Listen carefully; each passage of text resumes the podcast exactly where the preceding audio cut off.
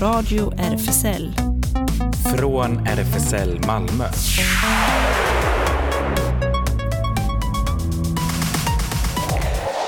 Välkommen till Radio RFSL, Riksförbundet för homosexuellas, bisexuellas, transpersoners, queeras och intersexpersoners rättigheter. Och här sitter jag, Ellen, bakom teknikbordet med sällskap på andra sidan glaset. Ja, här sitter jag, Claes, och vi är nästan som det gamla paret Nordegren och Epstein som just har avhyllats och haft sitt sista program i radions P1. Ja, just det. Inte 12 år har vi hållit på, men Nej, nästan. inte, inte riktigt. Men jag förväntar mig ändå ett stor, med pompa och ståt, när vi väl avgår på Bergvallshallen. Ja, visst med Malmö symfoniorkester och sådär. Ja. ja. Men eh, dagens program, fullspäckat, det med. Som vanligt, ja. Eh, vi har ju bland annat eh, träffat skådespelaren Stefan Klarin som spelar Walter Richter i föreställningen Katakomb. Jag vill ju bara leva. eh, Som har premiär på Bastionen ikväll och vi ska se den på lördag. Det ska vi göra. Så vi recenserar den nästa vecka. Och du har varit och sett en film i ottan. Igår, ja, Babylon. Den var mäktig. Ja. Och jag ska också berätta lite om en serie jag har börjat se eh, som eh, den engelska titeln är The Makanai Cooking for the Maiko House. Och så berättar vi också lite om eh, IFEMA, International Female Film Festival Malmö som äger rum den eh, första till fjärde februari nästa vecka. Då. Så blir det nyheter och det händer också förstås. Ja, så mycket, mycket. Men eh, vi kommer lite i stämning här med eh, I'm feeling like a millionaire med Josephine Baker. I'm like a million. Though I haven't got a dollar, a shilling, or a cent, still I'm feeling like a million. And I want to get this over to you. I'm feeling like a million var det med eh, Josephine Baker. Härlig röst hon hade. Ja, Hon var ju stor på eh, för krigs och, eller mellankrigstiden, heter det, var 40-talet också. Just det. Tydligen eh, en queer-ikon. Ikon. Ja, verkligen. Eh, På eh, Berlins då, vad som nu kanske skulle kallas queer-klubbar. Just det. Och även i, i Paris. Hon, mest kända bilden av henne är hon har ytterst liten bh och eh, höftskynke som består av bananer. Ja. Mm. ja, men då kommer vi in på alla de här premiärerna. Herregud. Ja, det är ju sån tjock vecka. Dels eh, den här som har premiär om knappt en timme då, Katakomb, som vi återkommer till. Och sen på eh, imorgon klockan 19 är det ännu en premiär på Inter Arts Center, Bergsgatan eh, i Massettihuset. Eh, människor älskar Människor slukar allt de älskar till Pier Paolo Pasolinis pojkar och till deras mamma. Heter det. det låter ju spännande men det hinner vi tyvärr inte gå på utan vi nöjer oss med att på fredag gå på premiären, eller nypremiären på Funny Girl på Malmöoperan. Den återkommer då efter att ha spelats eh, under pandemitiden bara för 50 åskådare åt gången men nu är det fullt ös. Och så då på lördag ska vi gå och se Katakomb. Just det, det ser jag fram emot. Och vi var ju och träffade då Stefan Klarin, en av eh, skådespelarna i måndags var det va? På Bastionen. Ja, just Ja. det. Eh, Och eh, då fick vi höra honom berätta dels om sin egen del i föreställningen men också hur den sattes ihop och lite om handlingen och bakgrunden. Så, så vi kan väl höra vad han har att berätta. Ja, mitt namn är Stefan Klarin och jag spelar Walter Richter eh, i, i föreställningen Katakomb som nu har premiär den 25 första. Urpremiär, första gången vi gör det, på Bastionen i, i Malmö. Ja, spännande. Hur känner du inför premiären? Och jag känner faktiskt att det är helt underbart. Den här idén och tanken eh, hämtar jag från Berlin, alltså för tio år sedan. Jag var där på ett, ett en studieresa och hittade de här tre karaktärerna. Walter Richter, och, ehm, eh, eh, Goldschlag och Mildred Finch Harnack. Eh, och idag, några, alltså många år efter, få förverkliga det med regi av Marie Parker Shaw. Helt underbart att vi är där nu liksom. Hur hittade du de figurerna? Alltså jag är ju väldigt intresserad av historia. Ja, så när jag åker till Berlin så vill jag ju gärna gå, gå i, i historiens fotspår. Liksom. Och då var jag först i, liksom, på Skräckens gata i Berlin där Gestapo och SS hade liksom många fängslade. Det är museet som finns där. Och där hittade jag den här skollärarinnan, eh, Mildred Harnack Finch, som kom från USA men undervisade ehm, eh, i, på, på, universitetet tror jag, där, i Berlin. Eh, och hon älskade Goethes dikter och hon blev ju tillfångatagen tillfångatagen för att hon jobbade mot Hitler och regimen. Och då så fick jag en presentation av henne där nere i de, i de här ja, liksom fångcellerna som finns kvar av det och fattade en sån empati och eh, intresse för hennes livshistoria. Och sen så kom också eh, hon eh, Stella Goldschlag och då var det en, en, presentation kring henne och jag bara, men vilken, vilken kvinna, vilket öde, vilket livsval. Alla har tre val att välja och som då Walter Richter som jag hittade i Sachsenhausen utanför Berlin där det var ganska många homosexuella män, koncentrationsförintelselägret, där många homosexuella män hamnade. Och och var lägst ner i hierarkin. Och där gick jag och kände och upplevde och, och för, levde mig in i att där skulle ju kunna vara jag idag om det får bana iväg, vilket vi inte hoppas på. Vi vet så mycket och vi får lära av historien, med vår historia. Men på vägen ut så fanns det massa liksom, presentationer av många människor som hade mördats där inne.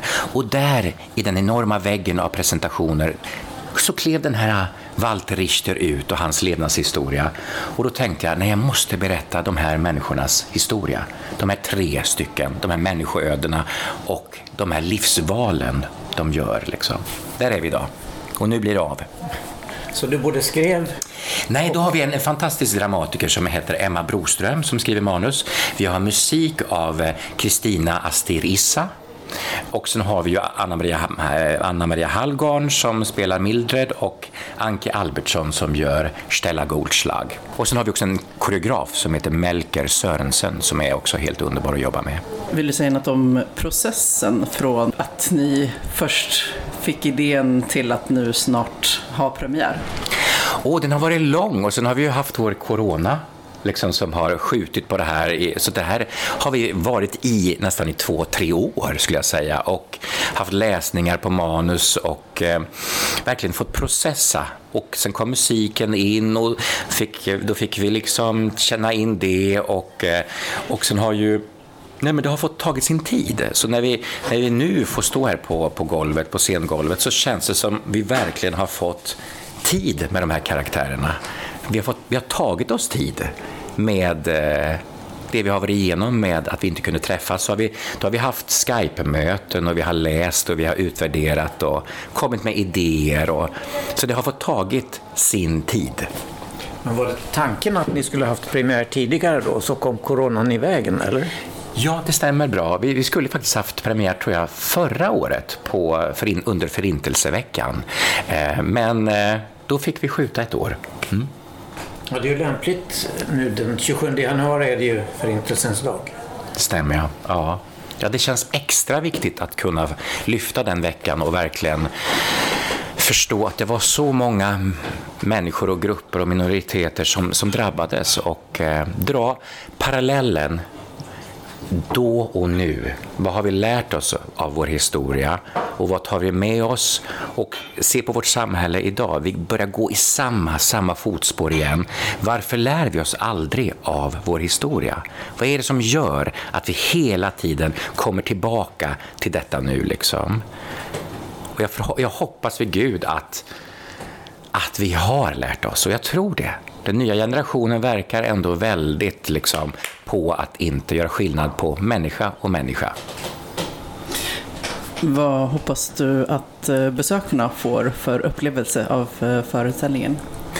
Att vi alla, vem vi än må vara, har rätten att leva och få vara den vi är. Ja, det är en from förhoppning, men om man ser på utvecklingen tyvärr så går det ju lite emot det. Tänk på eh, Drag Queen Story Hour, alla förföljelser. Plötsligt som blommar upp emot dem.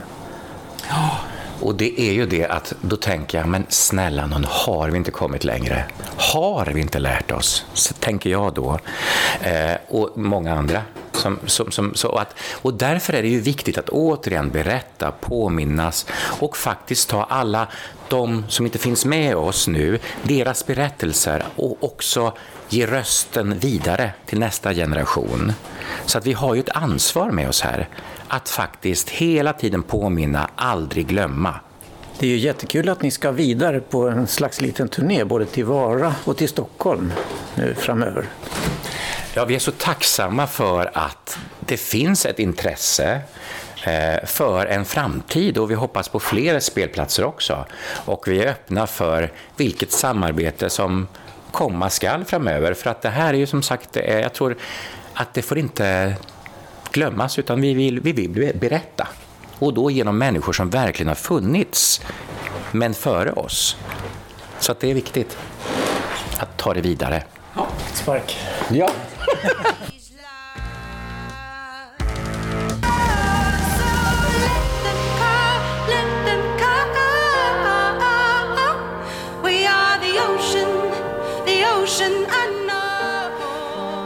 Det var Ocean med Kristina Issa som eh, vi hörde Stefan berätta har skrivit musiken till föreställningen Katakomb, jag vill ju bara leva. Och då flyttar vi oss ifrån eh, den hemska eh, nazitiden i Tyskland under andra världskriget till mellankrigstiden i eh, USA och då framförallt Hollywood. Det är den amerikanska dramakomedin Babylon som har premiär i hela landet på fredag och visas då på alla biograferna här i stan. Vi såg pressvisningen igår i Nordisk Film Bios fantastiska salonger på Mobilia. Verkligen ett ställe att rekommendera. Har du varit där någon gång, Ellen? Nej, faktiskt inte. Är det en väldigt stor biosalong med bra ljud? Ja, det är det. Så, De har ja. flera, fem salonger tror jag. Oj. Och eh, en av dem är sån där där stolarna rör sig så man hoppar omkring när det händer saker på scenen. Aha, eh. okej, okay, som det är action, man känner det? Ja, precis. Mm. Den här nya Avatar 2 går där, så den ska jag gå och se alla gånger. Men nu var det då Babylon och det är ju då förstås Hollywood och man kan mer än ana ett samband mellan den här filmen och skvallerboken Hollywood Babylon av Kenneth Anger. Han föddes på 1920-talet och debuterade som barnskådespelare som åttaåring. Och hans ytterst elaka bok om Hollywoods alla kändisar och deras depraverade skandaler och liv förbjöds i USA när den kom på 1960-talet. I filmen Babylon som är skriven och regisserad av Damien Chazelle får vi följa hur den amerikansk-mexikansk diversejobbaren Manuel, eller Manny som han ville kalla sig, eh, spelas av Diego Calva och den målmedvetna varietéartisten Nelly Laroy spelas av Margot Robbie.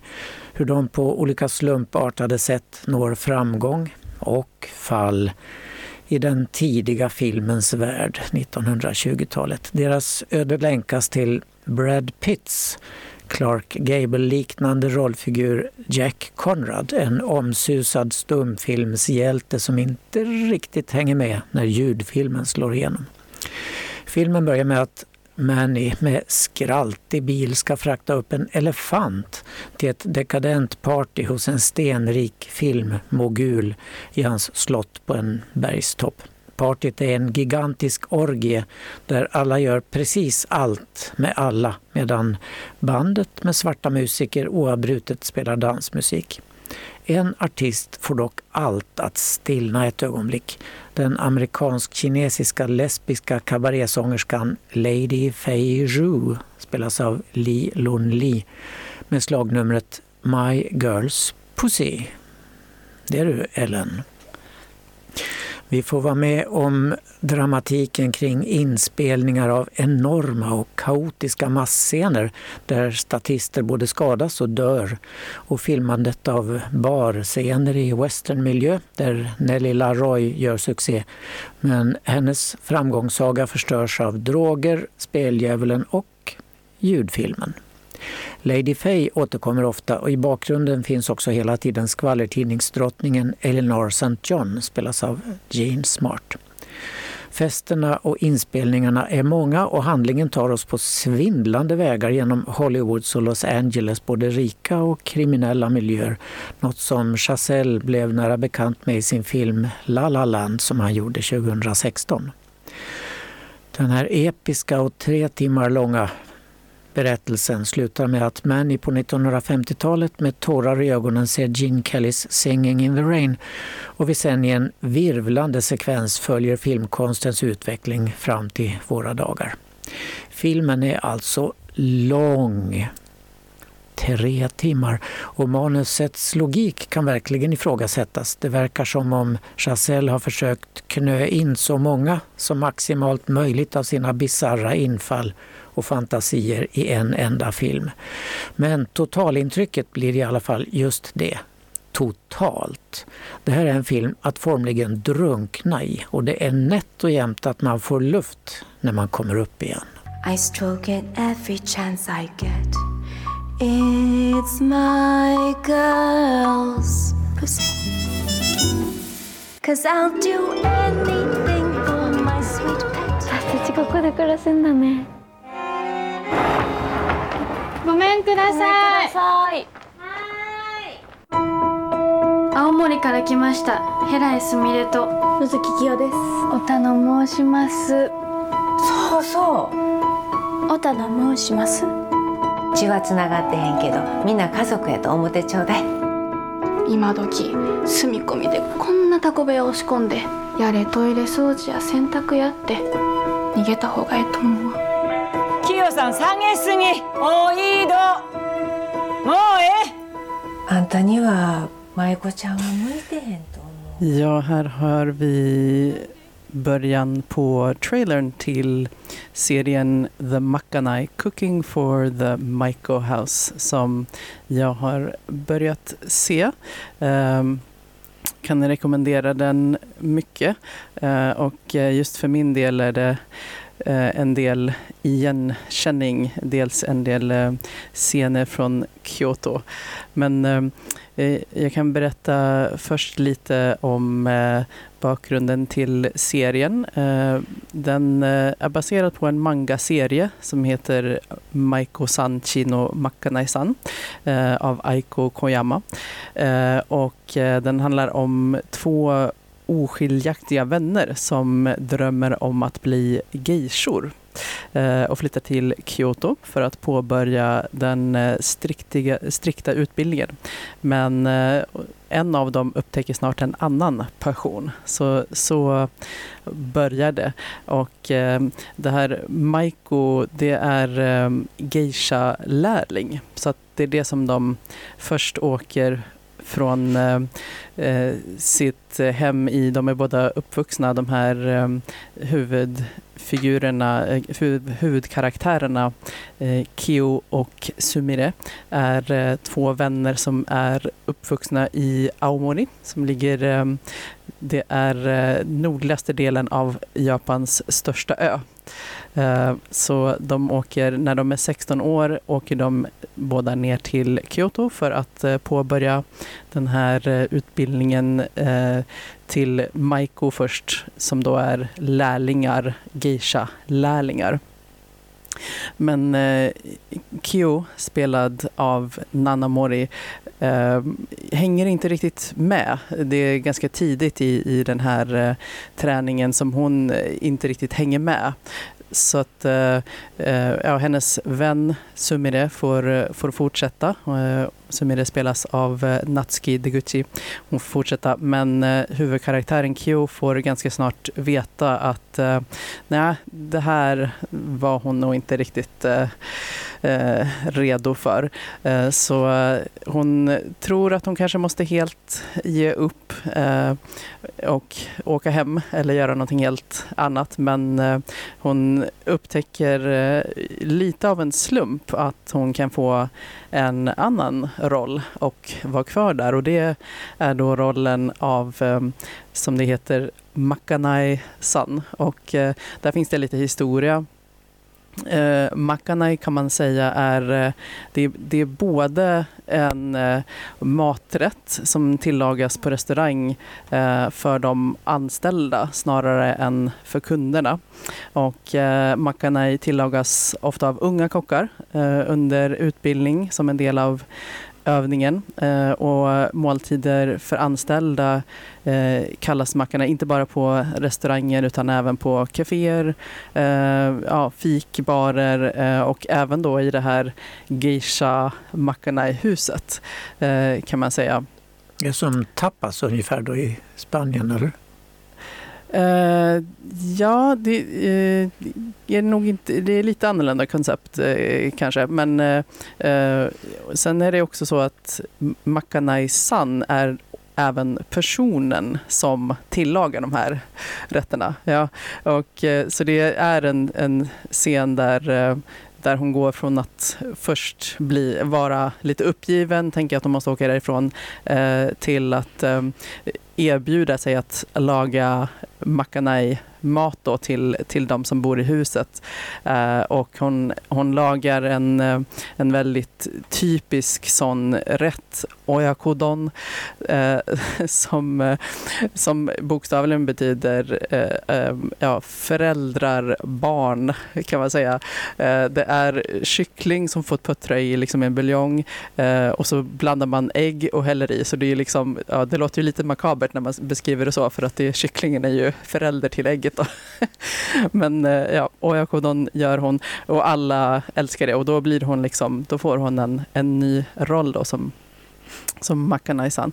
Uh, eh, så ja, jag tycker den är, den, är, den är väldigt fin. Den är regisserad också uh, av uh, Hirokazu Koreda som man kanske känner igen eh, från eh, flera, eh, en del filmer vi har nämnt tidigare. Jag tycker han är väldigt bra. Ehm, som har, Var hittar man den här filmen? På Netflix finns den nu. Ja, precis. Så ja, men jag tänker att vi kan ju höra en liten snutt av Minarai som är en, ett litet stycke som spelas då precis i den här scenen när eh, huvudkaraktären Kyo kommer på att nu kan jag faktiskt få en annan roll där jag lagar makanai-mat till de som bor i huset.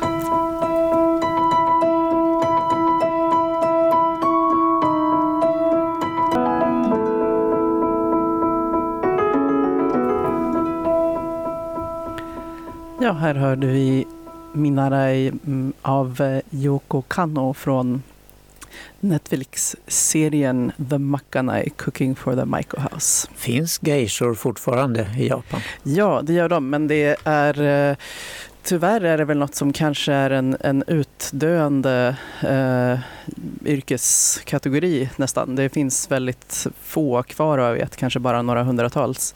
Um, så, så det, det är lite tråkigt för det är verkligen, de är ju konstnärer och, och väldigt, eh, det är en hård utbildning. Eh, vad jag har fått höra om de här eh, Mike och San, de, de, som då är lärlingar, att de, de måste, det är inte så många som klarar sig igenom liksom, den utbildningen och, och får gradera till geisha. Det är ganska tuff, eh, tuff utbildning. Men, eh, mm. Okej. Okay.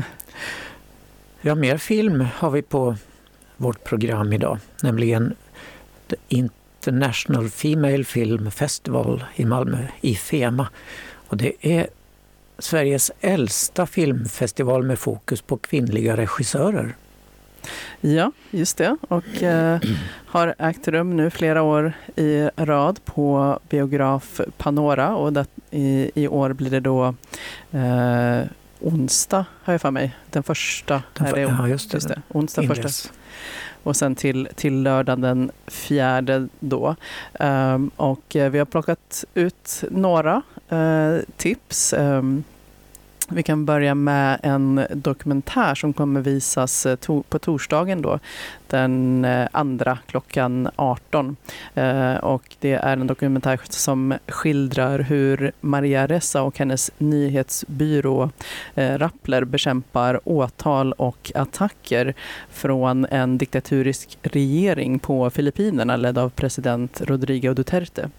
Eh, Ressa och hennes team undersöker tusentals mord sanktionerade av regeringen på huvudsakligen fattiga människor som anklagas för att använda och sälja droger. Eh, och för att förhindra rapportering om det eskalerade våldet startade Duterte en desinformationskampanj på sociala medier mot journalisterna, framförallt mot Maria Ressa, med hot om arrest och våldsaktioner. Och filmen skildrar Ressa och eh, det orädda teamet när de riskerar sin egen frihet för att försvara sanningen och demokrati. Så beskrivs den dokumentären som alltså visas eh, på torsdag klockan 18 och eh, är regisserad av Mona S. Diaz. Och sen en mycket kort liten film, Blandras. Jovia Maini har gjort den. Eh, en svensk kortfilm och det är ett kortfilmsblock som går på lördag den fjärde klockan 17 till 18.30 och tar upp saker som var kommer du egentligen ifrån? Blandras, det är en personlig berättelse om att växa upp med blandad härkomst i ett 00-tals Sverige. Genom en serie ögonblick animeras vi genom en självbiografisk resa färgad av humoristisk ärlighet och identitetspolitik. Mm. Och så eh, blir det en till dokumentär på lördagen från eh, klockan 18.45, Black Mamas. Dokumentären porträtterar tre medlemmar av Black Mamas, en ambitiös grupp sydafrikanska kvinnor som skyddar de utrotningshotade djuren Big Five i Krugerparken mot tjuvjägare. Det är ett drömjobb som till synes ger kvinnorna makt. Filmen ger en komplex bild av naturreservatets skuggsida. Utöver rösterna från de tre kvinnorna som har olika perspektiv på sin position hör vi en man som drivits till tjuvjakt av svält. Black Mambas visar att både kolonialismen och rasismen är högst levande så beskrivs den. Så, eh, och många fler finns det. Vi kanske går och ser några eh, nästa vecka och då kan vi berätta mer. Mm, det kan vi göra. Och det var alltså på Panora och om man går in på Panoras hemsida så hänvisas man vidare till Ifema. Men de har förstås också en egen, egen hemsida med festivalprogram och sådär. Mm. Eh, men vi kan ta och eh, lyssna på A thousand cuts som är eh, eh, från dokumentären då med samma namn. Eh, här hör vi Ruby Ibarra med A yeah. thousand cuts. If I fall, I stand up, break these walls, I rise up. Even when I lose it all, oh, I'm here to build a legacy. I got the ground moving under me. A thousand cuts ain't never stopping me. And I swear Radio RFSL Nyheter. Och vi börjar med att eh, de som ibland kallas riksbögarna, Jonas Gardell och Mark Levengood, ska separera. Det meddelar de båda på Instagram. Det är med sorg och stark overklighetskänsla som jag berättar att Mark och jag har separerat, skriver Jonas Gardell. Vi ska inte skilja oss, men har inte längre en kärleksrelation utan ska försöka vara vänner. Vi går i terapi och får se vad det leder till. Och han fortsätter, jag berättar berättar det här för att slippa smussla men i övrigt är detta helt privat och mycket smärtsamt. Vi kommer inte kommentera på något annat sätt, svara på frågor eller ge intervjuer och ber om respekt för detta. Men ni får gärna se på oss och vårt famlande med ömsint och kärleksfull blick. Mark Levengood skriver något liknande på sitt Instagramkonto. Det är med stor sorg som vi efter ett långt liv ihop idag meddelar att vi separerar. Vi kommer dock fortsätta vara gifta och får hjälp att försöka reda ut det som är svårt och stressigt. Han ber också om varma tankar från följarna. Jonas Gardell har tidigare berättat hur han 1986 friade till Mark Levengood på deras första dejt i observationslunden i Stockholm. Tio år senare ingick de partnerskap och gifte sig 2011. Paret har två barn. En son som Gardell har tillsammans med väninnan Ingeborg Svensson och en dotter som Levengood har tillsammans med genusvetaren Fanny Ambjörnsson. Konservativa politiker över hela USA har lagt fram mer än 120 anti-hbtq-lagförslag hittills i år enligt ett pressmeddelande förra veckan från ACLU, USAs största och mest kända lobbygrupp för individuella rättigheter och medborgerliga friheter. Dessa lagförslag visar en samordnad trend att förvägra transpersoner frihet, säkerhet och värdighet, säger Chase Trengio, biträdande chef för transpersoners rättvisa vid ACLUs hbtq och hiv-projekt enligt Los Angeles Blade över hela landet rustar sig transpersoner och deras familjer för att slå tillbaka och förhindra att något av dessa lagförslag blir lag, sa han i ett pressmeddelande. Förra året rapporterade ACLU rekordet 278 lagförslag riktade mot hbtq-personer, varav 20 nu blivit lag. Gruppens rättsteam har kämpat mot lagförslag över hela landet som begränsar tillgången till könsbejakande hälsovård, hindrar transpersoner från att uppdatera identitetshandlingar och nekar transpersoner lika tillgång till skollokaler och aktiviteter samt försvarar inkluderade politik från politiska och lagliga attacker. Dessutom har ACLU gått till domstol mot bokförbud som riktat mot material med hbtq-karaktärer eller teman och även medverkat i rättstvister mot en lag i Texas som kriminaliserar föräldrar som underlättar för transbarns tillgång till hjälp och medicinskt nödvändig vård. Ny, nya uppgifter talar nu för att den besynnerlige, storljugande och öppet homosexuelle politikern George Santos som svors in i USAs representanthus för New York den 17, 7 januari att han under 00-talet var en festande dragqueen i Rio de Janeiro, skriver Pink News. Numera är han konservativ republikan och högljudd förespråkare för anti-hbtq lagstiftning i USA. Sån lagstiftning inkluderar lagförslag som Don't say gay som förbjuder lärare att diskutera könsidentitet eller sexuell läggning i skolor som, eh, samt likställer dragshower med grooming. Det är journalisten Marisa Cabas på Twitter som berättar att hon talat med en brasiliansk dragqueen som kunde visa bilder på Santos som när han bodde i Brasilien var en flitig gäst på gayställena som dragdrottningen Kitara.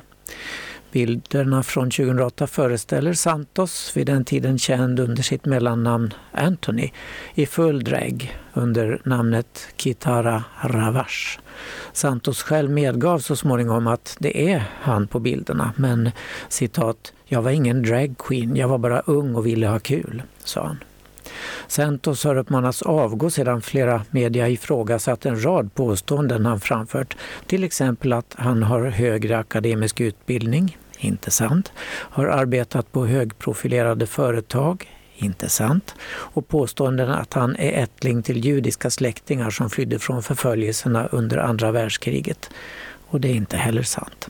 Distriktsåklagare Ann Donnelly öppnade i slutet av december en utredning för att undersöka om han brutit mot några regler för kampanjfinansiering under sin kandidatur till parlamentet. De många påhitten och inkonsekvenserna från tillträdande kongressledamoten Santos är inget mindre än häpnadsväckande, sa Donnelly i ett uttalande. Nu har även första kammaren i Nederländernas parlament röstat ja till att ändra artikel 1 i konstitutionen för konungariket Nederländerna och utöka den till att förbjuda diskriminering av, eh, på grund av eh, funktionshinder eller sexuell läggning. Omröstningen i Erste Kammer slutade 56-15 och förslaget är nu på väg till kung Wilhelm Alexander för underskrift och sedan till den holländska regeringen. Hbtq plus-grupper och aktivister firade omröstningens resultat. Att få hbtqi-personers rättigheter förankrade i konstitutionen är en historisk seger för regnbågsgemenskapen, förklarade intresseorganisationen COC Nederland, citerad av Los Angeles Blade. Denna holländska hbtq plus-organisation grundades 1946 och anses vara den äldsta aktiva hbtq plus-organisationen i världen. Polens högsta domstol har nu fastställt frikännandet av en kvinna som sommaren 2020 knivhögg sin berusade och våldsamma man till döds i självförsvar när han försökte våldta henne. För trots att två lägre domstolar funnit henne oskyldig ville åklagaren att kvinnan skulle fängslas för mord och hade försökt få de tidigare domarna upphävda, rapporterar Notes from Poland. Åklagaren hade åtalat Carolina för mord och yrkade på åtta års fängelse. Men i mars 2021 friades hon av Krakows regionala domstol som fann att hon hade agerat i berättigat självförsvar. Ett beslut som fastställdes av stadens hovrätt i oktober samma år. Åklagaren envisades och hävdade att hennes man varit så berusad att hon inte hade behövt använda kniv för att försvara sig. Hon skulle istället ha kunnat skrämma honom genom att skrika, rapporterade lokaltidningen Gazeta Krakowska. HD höll inte med utan fastställde de lägre instansernas frikännande. Våld inom familjen är vanligt i Polen och den högerkonservativa justitieministern har försökt dra sig ur den europeiska konventionen mot våld mot kvinnor med argumentet att citat, det främjar hbtq. Han har fått stöd av katolska kyrkan för detta men premiärministern sa stopp och lämnade ärendet till konstitutionsdomstolen. Efter ett tre timmar långt samtal med Uefa-presidenten Alexander Seferin i Slovenien förra veckan fattade norska fotbollförbundets ordförande Lise Klavenes sitt beslut. Hon ville försöka få en plats i Uefas styrelse. Jag vet att det kommer att bli svårt. Presidenter röstar på varandra. De flesta av dem har suttit längre än mig och känner varandra. Det finns större nationer. Det har bara varit en kvinnlig förtroendevald person där tidigare, sammanfattade Lisa Klavenes efter att ha bekräftat för NRK att hon kandiderar till styrelsen för Europeiska fotbollsförbundet, UEFA. Valet äger rum i Lissabon i april. Nio styrelseplatser ligger i potten. En av dessa vill norska fotbollsförbundet att Lise Klavenes tar hand om. Hon gjorde ett outplånligt intryck i samband med VM i Qatar när hon inför hela världen på Fifas kongress i Qatar kritiserade världsfotbollsorganisationen och den process som gav VM till Qatar. Landet där nästan 7000 personer uppges ha dött under uppförandet av VM-arenorna och där synen på hbtq-personer ligger kvar på 1600-talet. Artisten Sam Smith har under en tid berättat på sociala medier att hen snart kommer med ett nytt album, Gloria. som sen också ska bli en arenaturné. Det blir fjärde studioalbumet från den engelske icke-binäre sångaren och låtskrivaren planerat att släppas nu på fredag den 27 januari på Capitol Records. Det blir Smiths första album sedan Love Goes 2020. Några av låtarna på det kommande albumet har redan släppts, till exempel Unholy. Men det här är introduktionen till albumet och det släpptes förra veckan, Gloria. Monsters in my head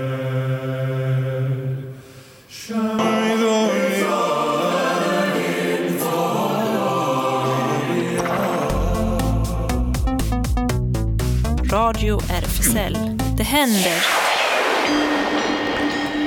Och det händer ju som vanligt otroligt mycket i stan och ibland även på RFSL som har lokaler på Stora Nygatan 18. Och för att få veta vad som händer, kolla in våra sociala medier som Facebook och Insta.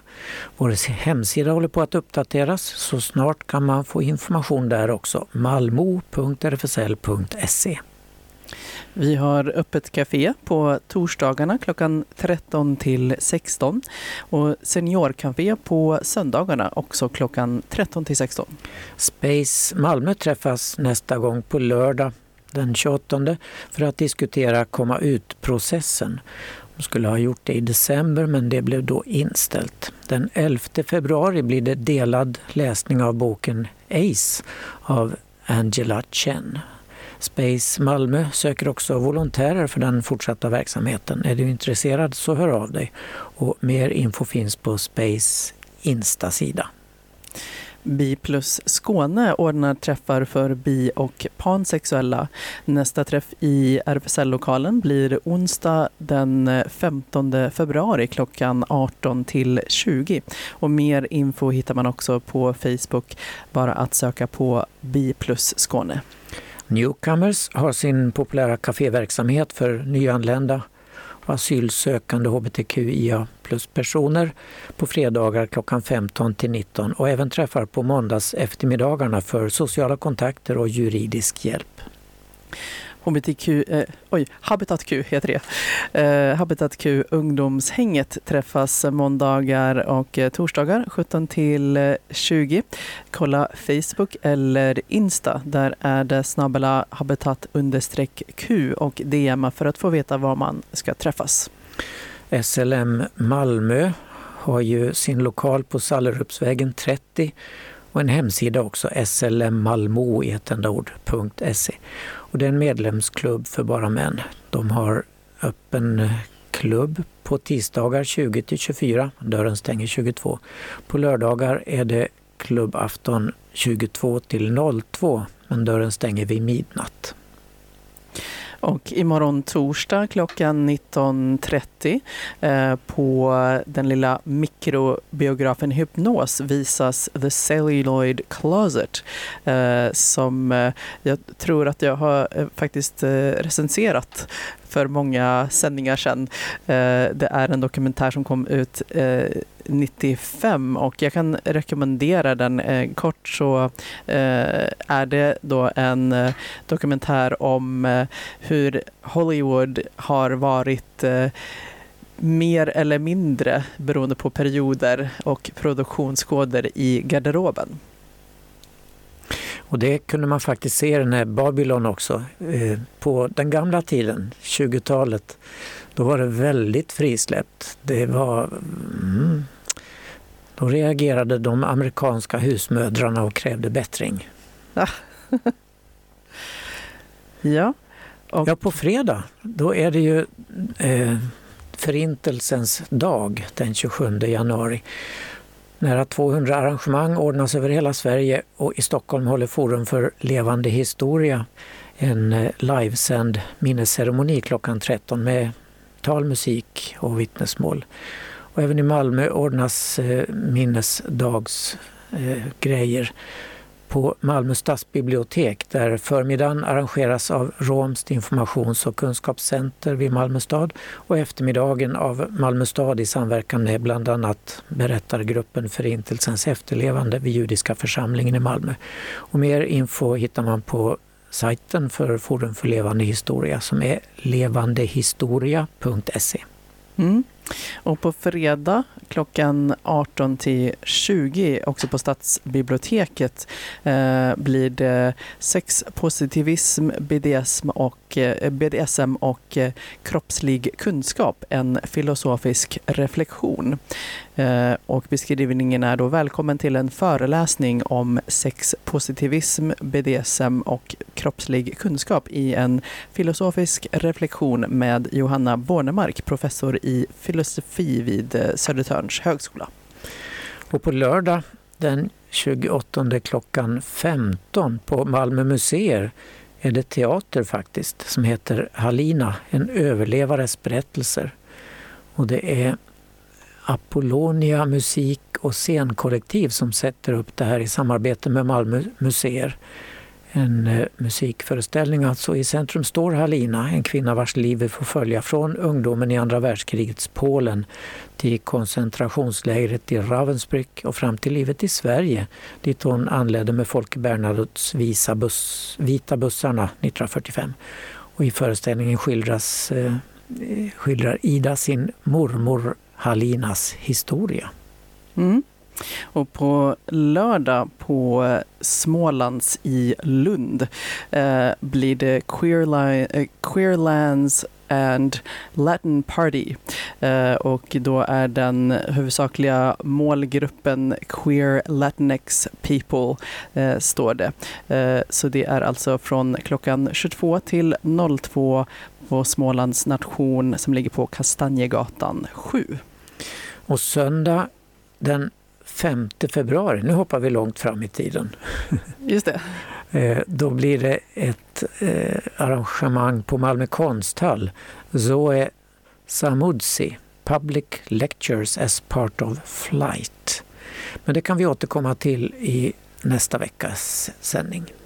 Just det. Ja, då tycker jag vi kan uh, gunga ut med lite lämplig musik. Uh, apropå uh, klubben med uh, Queer Latinx People som huvudsaklig målgrupp. Här kommer Bomba Stereo med Soledad. Tack för idag. Hej då.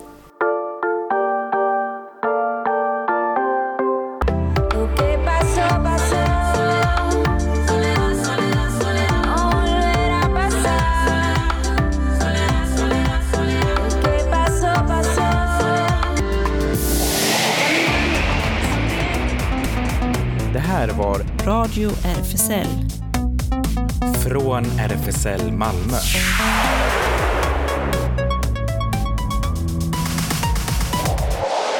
Kolla in Radio RFSL på Instagram och Facebook för mer information.